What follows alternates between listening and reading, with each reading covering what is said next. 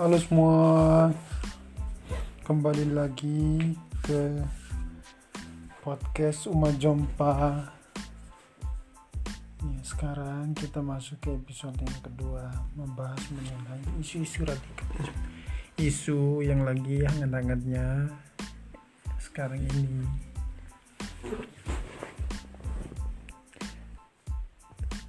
Di be- beberapa media itu muncul apa ya pro dan kontra mengenai kedudukan asal mula radikalisme itu sendiri. Radikalisme itu seperti apa gerakannya seperti apa pemikiran dan kelompok-kelompoknya seperti apa bahkan variasi atau varian kelompoknya itu beragam. Namun kalau kita melihat kembali ke dasar-dasarnya kembali asal usulnya radikal itu kan pada dasarnya kata radikalisme itu kan kata netral di mana diambil dari kata radix radix artinya mengakar akar dasar. Dalam artian bahwa pada dasarnya semua manusia itu kan ingin berpikir mendalam atau ingin mengetahui sesuatu itu secara mendalam mengakar sampai mencapai titik pokok permasalahannya itu kalau dalam konsep berpikir namun seiring perkembangan zaman kata, radikalisme itu mengalami perkembangan juga dan ada yang memandang radikal itu secara sisi positif bahkan ada yang negatif. Namun karena kata radikalisme itu sudah dibajak atau mengalami degradasi atau kondisi ini maka radikalisme itu cenderung mengarah ke konotasi negatif dalam artian muncul istilahnya bahwa orang-orang radikal itu cenderung menyebarkan kekerasan, fanatik buta, membom bunuh diri, mengajarkan terorisme itu.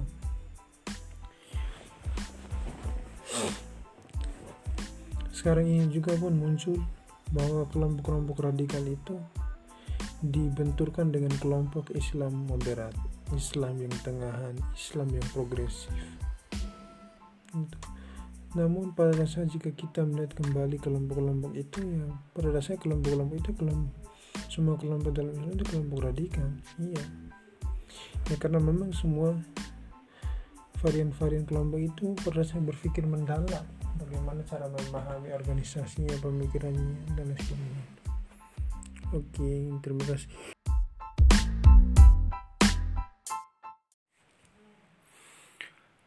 Halo semua, selamat malam teman-teman.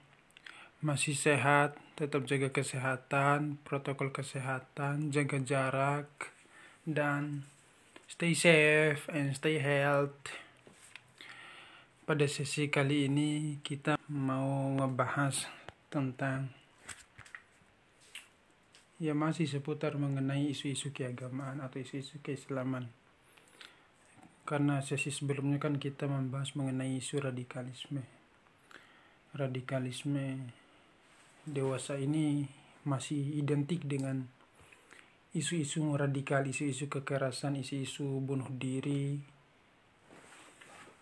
penyerangan rumah ibadah agama lain dan sebagainya.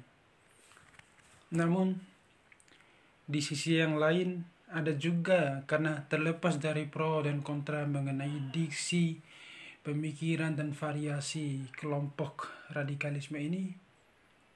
Namun ada juga kelompok-kelompok yang memandang radikalisme itu secara positif.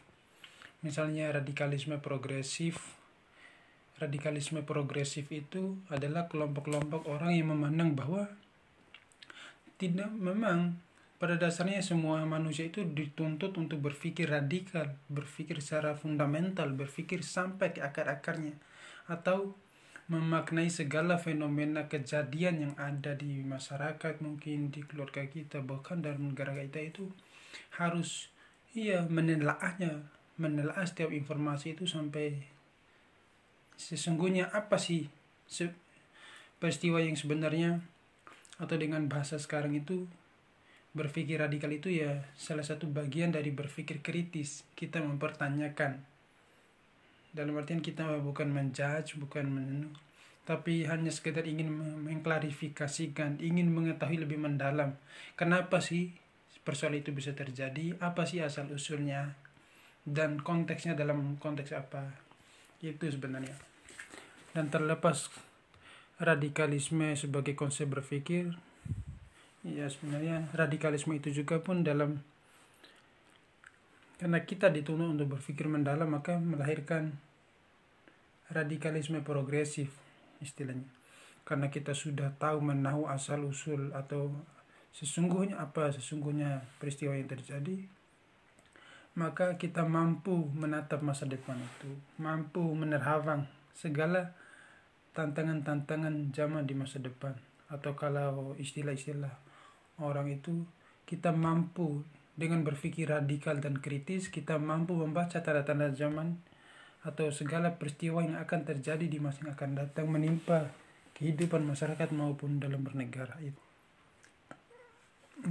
Namun karena konteks radikalisme itu masih abrak maka ada dalam apa ya wacana-wacana pemikiran keagamaan itu ada istilahnya dengan radikalisme positif progresif. Mereka memandang bahwa ya agama itu segala teks-teks agama aturan-aturan norma-norma dan perintah dan larangan itu harus dianalisis harus dilihat secara mendalam agar agar melahirkan makna suatu teks dan konteks ayat itu menjadi utuh apa sih hakikat dari teks itu maka aliran radikalisme positif progresif ini ingin membangun masa depan dunia yang damai, dunia yang aman, kasih sayang. Ya karena berlandaskan dari ajaran dasar Islam itu kan ajaran yang damai, ajaran Islam, ajaran kasih sayang, ajaran yang rahmatan yang, yang rahmatan yang lil alam itu tadi. Ya karena memang ya agama Islam itu kan memang harus dituntut untuk mampu mampu membaca tanda-tanda zaman dan mampu mengatasi segala persoalan yang terjadi di era kontemporer ini maupun pada zamannya. Itu. Ya, karena memang pada dasarnya agama Islam itu kan relevan dengan segala zaman. Namun yang menjadi persoalan itu adalah ketidakmampuan manusia untuk berpikir, ketidakmampuan manusia untuk mentadaburi, berpikir, menelaah, bertanya, menggali karya-karya klasik maupun era kontemporer ini untuk memahami segala persoalan baik di dalam agama Islam itu sendiri maupun agama-agama lainnya. Itu. Apa konsekuensinya ketika kita tidak mampu menelaah agama Islam kita sendiri? Nah, konsekuensi negatifnya bahwa agama Islam itu pun akan mengalami serangan atau stigma-stigma negatif dari orang-orang luar atau agama-agama luar yang memandang negatif agama Islam seperti adanya stigma kesalahpahaman bahwa agama Islam itu agama yang mengajarkan kekerasan, agama yang menyebabkan bom bunuh diri, terorisme, radikalisme, dan lain sebagainya itu atau jihad dan sebagainya. Nah, inilah konsep-konsep atau stigma-stigma negatif dari orang luar. Ya, kenapa munculnya stigma itu? Ya karena ketidakmampuan atau ketidakpahamannya mengenai agama Islam itu sendiri. Nah, dalam konteks itulah maka umat Islam sendiri umat yang mengatasnamakan agama yang sempurna, agama yang paling mulia, agama yang relevan dengan zaman, maka sudah menjadi kewajiban kita semua, sudah menjadi tuntunan kita semua sebagai umat muslim, umat Islam bahwa itu tadi untuk secara terus menerus saling berlomba-lomba untuk saling tolong menolong saling mengingatkan dan menyebarluaskan ajaran dasar atau ajaran radikal agama Islam itu yakni ajaran agama yang mengajarkan kedamaian, keselamatan, kasih sayang, cinta kepada seluruh alam atau yang dikenal dengan Islam yang rahmatan lil alamin. Itu. Makanya ada salah satu dalam hadis itu kan disebutkan bahwa belum beriman seseorang itu jika dia mencintai orang jika belum mencintai orang lain sebagai dia mencintai dirinya sendiri. Atau dalam bahasa apa ya peribahasa agama-agama itu perlakukanlah orang lain sebagaimana kamu memperlakukan diri sendiri. Cintailah orang lain sebagai kamu mencintai dirimu sendiri. Itulah pada dasarnya agama Islam itu. Di satu sisi kita tidak boleh membahayakan dan merugikan orang lain maupun diri kita sendiri jadi harus ada keseimbangan saling tolong menolong saling simbiosis mutualisme sinergi untuk menciptakan tatanan masyarakat yang damai, kasih sayang, cinta harmonis, untuk menciptakan kemajuan kedamaian, untuk keberlanjutan generasi anak-anak kita yang masa yang akan datang. Oke, itu saja apa ya uraian singkat dari saya terkait pendalaman definisi, konteks, pemikiran, dan variasi kelompok dalam memahami radikalisme itu di era kontemporer ini. Oke, wassalamualaikum warahmatullahi wabarakatuh. Billahi fisabil haq. Wassalamualaikum warahmatullahi wabarakatuh. Oke, selamat mencerahkan. Semoga mencerahkan. Halo semua. Selamat malam teman-teman masih sehat, tetap jaga kesehatan, protokol kesehatan, jaga jarak, dan stay safe and stay health. Pada sesi kali ini kita mau ngebahas tentang ya masih seputar mengenai isu-isu keagamaan atau isu-isu keislaman. Karena sesi sebelumnya kan kita membahas mengenai isu radikalisme. Radikalisme dewasa ini masih identik dengan isu-isu radikal, isu-isu kekerasan, isu-isu bunuh diri, penyerangan rumah ibadah agama lain dan sebagainya. Namun di sisi yang lain ada juga karena terlepas dari pro dan kontra mengenai diksi, pemikiran dan variasi kelompok radikalisme ini. Namun ada juga kelompok-kelompok yang memandang radikalisme itu secara positif. Misalnya radikalisme progresif. Radikalisme progresif itu adalah kelompok-kelompok orang yang memandang bahwa tidak memang pada dasarnya semua manusia itu dituntut untuk berpikir radikal, berpikir secara fundamental, berpikir sampai ke akar-akarnya atau memaknai segala fenomena kejadian yang ada di masyarakat mungkin di keluarga kita bahkan dalam negara kita itu harus iya menelaahnya menelaah setiap informasi itu sampai sesungguhnya apa sih peristiwa yang sebenarnya atau dengan bahasa sekarang itu berpikir radikal itu ya salah satu bagian dari berpikir kritis. Kita mempertanyakan. Dalam artian kita bukan menjudge bukan men tapi hanya sekedar ingin mengklarifikasikan ingin mengetahui lebih mendalam. Kenapa sih persoalan itu bisa terjadi? Apa sih asal usulnya dan konteksnya dalam konteks apa? Itu sebenarnya. Dan terlepas radikalisme sebagai konsep berpikir ya sebenarnya radikalisme itu juga pun dalam karena kita dituntut untuk berpikir mendalam maka melahirkan radikalisme progresif istilahnya. Karena kita sudah tahu menahu asal usul atau sesungguhnya apa sesungguhnya peristiwa yang terjadi maka kita mampu menatap masa depan itu mampu menerhawang segala tantangan-tantangan zaman di masa depan atau kalau istilah-istilah orang itu kita mampu dengan berpikir radikal dan kritis kita mampu membaca tanda-tanda zaman atau segala peristiwa yang akan terjadi di masa yang akan datang menimpa kehidupan masyarakat maupun dalam bernegara itu. Namun karena konteks radikalisme itu masih abrak maka ada dalam